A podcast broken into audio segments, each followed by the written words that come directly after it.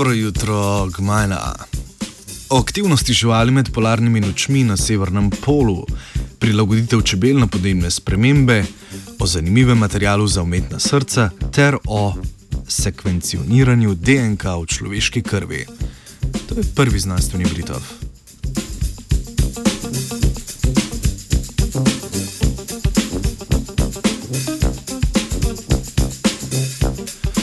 Kmalo se bo na skrajnem severu Norveške na arhipelagu Svalbard v arktičnem, arktičnem oceanu začela polarna zima. Začele se bodo dolge mrzle noči, ko sonce posveti za največ 4 ure na dan. V tem času je primarna produkcija hrane zelo nizka, zato zimo ljudje pogosto krat razumemo kot obdobje mirovanja.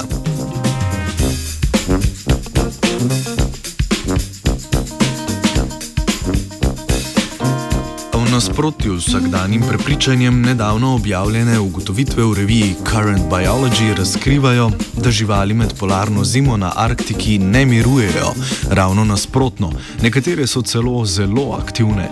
Tako se je na arktičnem območju v času raziskave povečala biološka raznovrstnost, nekatere vrste so se po zimi pojavljale v večjem številu kot poleti v juvenilnih oziroma še ne odra od odraslih stadijih.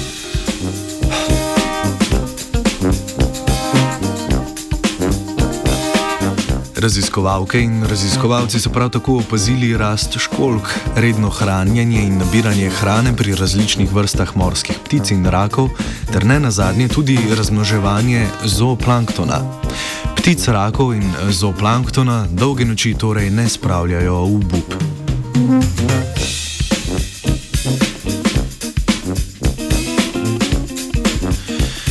Ljudje pa lahko postanemo zelo obupani, če bodo izumrle vse čebele na Zemlji. Temperatura ozračja se dviguje in prihaja do izsuševanja različnih območij na Zemlji, zaradi česar med drugim upada tudi število rastlin, na katerih se običajno hranijo čebele.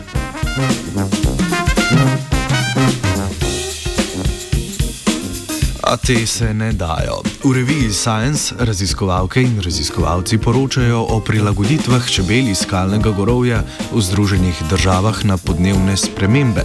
Tamkajšnje vrste čebel se hranijo na cvetlicah s podaljšanimi cvetovi.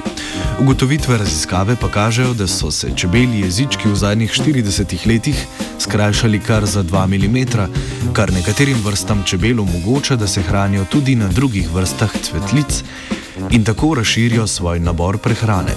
Čebele se počasi ustrajno uspešno prilagajajo in kosajo z naravo, ko bi jim le na pomoč priskočila tudi človeška vrsta. Ta medtem se stavlja nova umetna srca. Inženirji strojništva z Univerze Cornell so iz enega kosa zanimivega materijala, poroelastične plastične mase, oblikovali umetno srce. To deluje tako, da zrak, ki se pretaka po porah znotraj mase, povzroči njeno upogibanje in s tem ustvarja silo za črpanje tekočine po telesu. Ta princip odpravi potrebo po tem, da bi bilo umetno srce sestavljeno iz več manjših delov, zato bo teže prišlo do njegove okvare. Napovedi pravijo, da bo po dodatnih izboljšavah srce primerno za presaditev v človeško telo.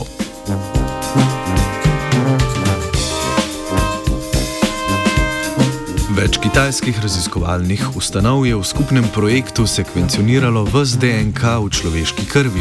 Izdelali so podatkovne baze, ki nam povedo, kolikšen delež DNK v krvi izhaja iz posameznih človeških tkiv.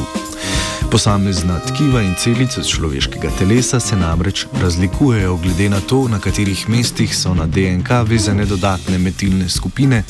In prav glede na te vzorce lahko ugotovimo njihovo izvorno tkivo. In mislim, da bo tudi izbližalo ljudi med sabo, na splošno, kako meni se vrača in trpljenje.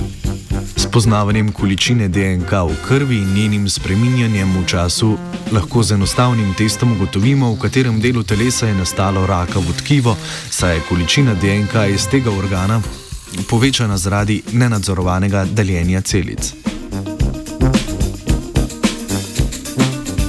Glede na povečanje količine DNK iz kromosoma 21 so raziskovalci in raziskovalke pri nosečnicah ugotovili, ali ima plot trisomijo 21 oziroma Downov sindrom. Z isto metodo pa so dobili tudi podatek, kolikšen delež DNK pri ljudeh s presajenim organom predstavlja tuja DNK, kar bo v prihodnje pomagalo preprečevati zavrnitve presajenih tkiv. Znanstveni Britov sta pripravili Maja in Zarja.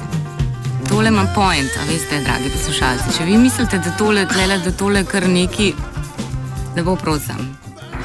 3, 2,